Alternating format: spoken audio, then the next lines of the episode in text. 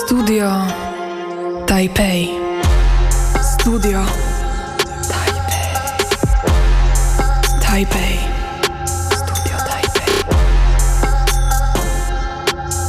Taipei. Studio Taipei. Dzień dobry Państwu. Wojna rosyjsko-ukraińska pozwoliła przedstawić prawdziwy charakter władz Rosji i jej gospodarki. I w tym kontekście chcę się przyjrzeć kolejnemu mitowi potędze i wyższości tak zwanego modelu chińskiego i jego nieuchronnej przewagi na świecie. Niezaprzeczalnie chińska gospodarka jest potężna, ma nieprzebrane moce produkcyjne, tak ogromne, że musi eksportować, bo chłonność własnego rynku jest za mała. Celem rozkręcenia go jeszcze bardziej stale inwestuje w różne programy narodowe i infrastrukturalne. Fakt ten jest przedstawiany przez zachodnich influencerów Chin jako wyraz potęgi i wyższości chińskiego modelu nadzachodnim. Można to często obserwować w postaci przekazywania przez nich w wywiadach lub w mediach społecznościowych informacji w rodzaju Chiny przeznaczają kilkaset miliardów dolarów na rozwój i tu zostawiam puste miejsce, można sobie dowolnie wstawić. Kiedyś były to autostrady, ilość linii metra, e, szybka kolej czy nauka. Obecnie są to raczej takie dziedziny jak biotechnologie, podbój kosmosu, półprzewodniki, lotniskowce, samochody elektryczne i tak. Problem w tym, że taki przekaz nic nie kosztuje, a w świat idzie informacja o chińskim walcu, który może, który może rozjechać wszystko, co napotka na drodze. Czy to Tajwan, czy amerykańską gospodarkę. I teraz pytanie moje jest takie, na ile owe inwestycje są jednak opłacalne? I jak wydajny jest chiński aparat państwowy? Otóż jest to trochę bardziej złożone. Taka ingerencja państwowa w gospodarkę ma sens na przykład, jak miało to miejsce z tygrysami azjatyckimi. Wsparcie na początku, z czasem jednak wycofanie się państwa z rynku i wspierane firmy egzystują samodzielnie. W przypadku Chin mamy jednak i uzasadnienie racji bytu, i dumę partii, i konieczność, konieczność przegonienia Zachodu, a także niestety wszechobecną korupcją. I tutaj omówię jeden przypadek. To znaczy to, co mówiłem przed chwilą, tak było w przypadku sztandarowych projektów, jak szybkie koleje oraz walka o przewodzenie w produkcji nowoczesnych chipów.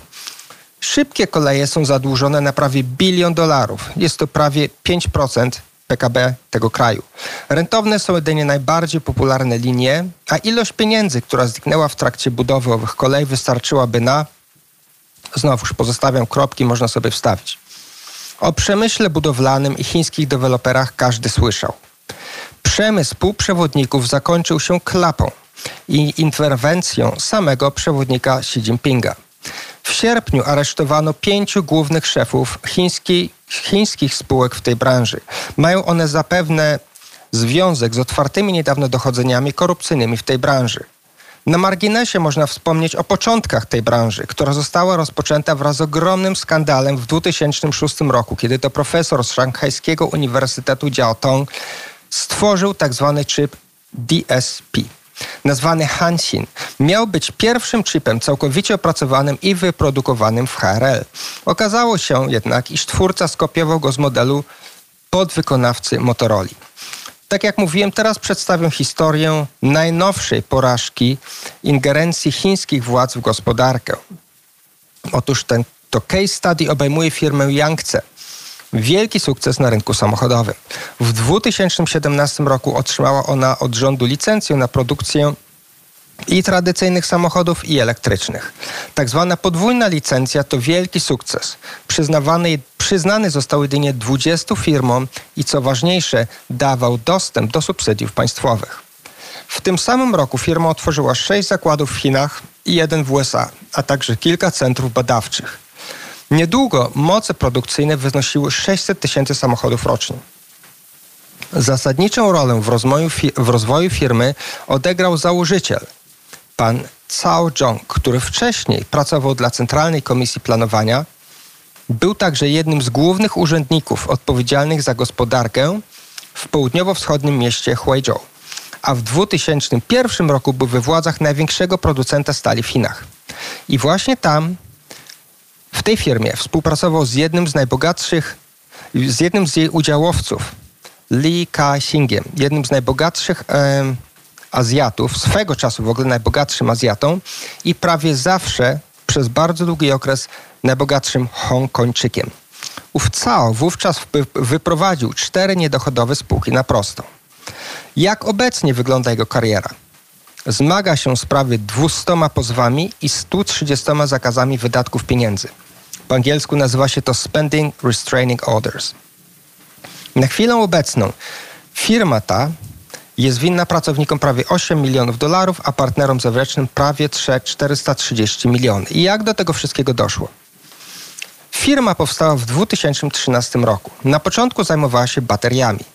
Ponieważ chiński przemysł nie radził sobie za bardzo w rozwijaniu tradycyjnych silników, tak więc elektryki miały teleportować kraj środka na sam przód rozwoju tej branży. I tak, by pomóc, w, w latach 2015-17 subsydia chińskiego rządu dla tego przemysłu wyniosły ponad 43 miliardy dolarów. Całkowita inwestycja w ten przemysł to prawie 300 miliardów. I to tylko od rządu centralnego, mianowicie lokalne władze także się dorzucały. Niejednokrotnie było tego więcej niż koszt samochodu. I tak na przykład w 2015 roku mały bus mógł kosztować prawie, e, mógł otrzymać prawie 90 tysięcy dolarów subsydiów. Autobus miejski dofinansowanie w wysokości 150 tysięcy dolarów. I tak druga połowa poprzedniej dekady to szaleńczy rozwój. I firmy, i samej tej firmy, i całego rynku samochodów tych EV, czyli elektryków. W latach 2015-17 w całych Chinach prowadzono 200 projektów EV, w które zainwestowano prawie 150 miliardów. Moce produkcyjne tych przedsięwzięć to 20 milionów sztuk.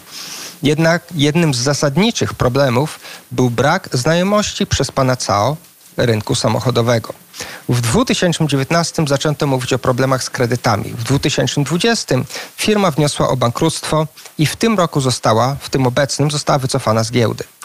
O ile początkowo prywatny kapitał także inwestował, to z czasem zaczął się z tego wszystkiego wycofywać. Prawie dekadę temu ów najbogatszy Lee Kai-shing, współwłaściciel i wspólnik znajomego pana Cao.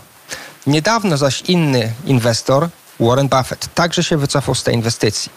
Co nie dziwi, bo w Chinach już od pewnego czasu istnieją całe parkingi i hangary zawalone niesprzedanymi samochodami EV.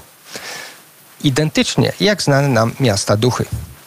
W końcu połapały się w tym wszystkim chińskie władze i zaczęły ograniczać dotacje.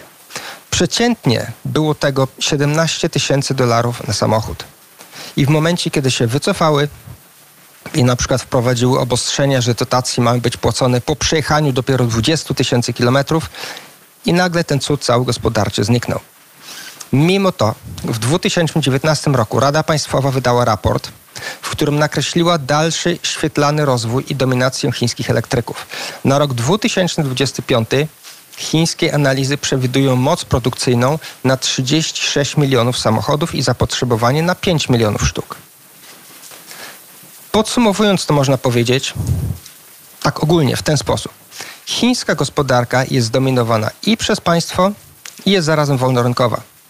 Niszczy ją pasożytnicze wysysanie zasobów, przystojących ponad prawem urzędników, którzy często mają też swoje własne finansowe interesy w tym wszystkim. Mogą powołać jakikolwiek program i także go sfinansować. I proszę sobie wyobrazić konkurowanie w takim środowisku. Jakim trzeba być naprawdę twardzielem, jako normalny chiński przedsiębiorca, żeby konkurować w takim otoczeniu? z takim, e, z takim e, poziomem dotacji, subsydiów i ułatwiania tym tak zwanym SOE, czyli tym właśnie molochom państwowym. A jednak mimo wszystko istnieją miliony ludzi w Chinach, którzy na co dzień prowadzą firmy i rzucają wyzwanie dotowanym przez państwo molochom. Nie posiadając ani prawnej ochrony przez sądy, ani prawa własności, gdzie stale kradnie się pomysły i technologie. I jak w tym przetrwać? Otóż prywaciarze ci muszą się stale śpieszyć, być innowacyjni, żeby się utrzymać w peletonie. I za to należy im się pochwała i ogromny szacunek. Zacząłem dzisiaj o Rosji i o niej skończę. Jeszcze przed lutym tego roku Zachodnie elity często uważały Putina za takiego no fajnego chłopa, trochę niezrozumiałego u nas, ale no to są różnice kulturowe. I właśnie w tym kontekście tego, co przeżywaliśmy przez ostatnie pół roku, proponuję też inaczej spojrzeć na to, co no, czasami możemy nazwać chińskimi onucami.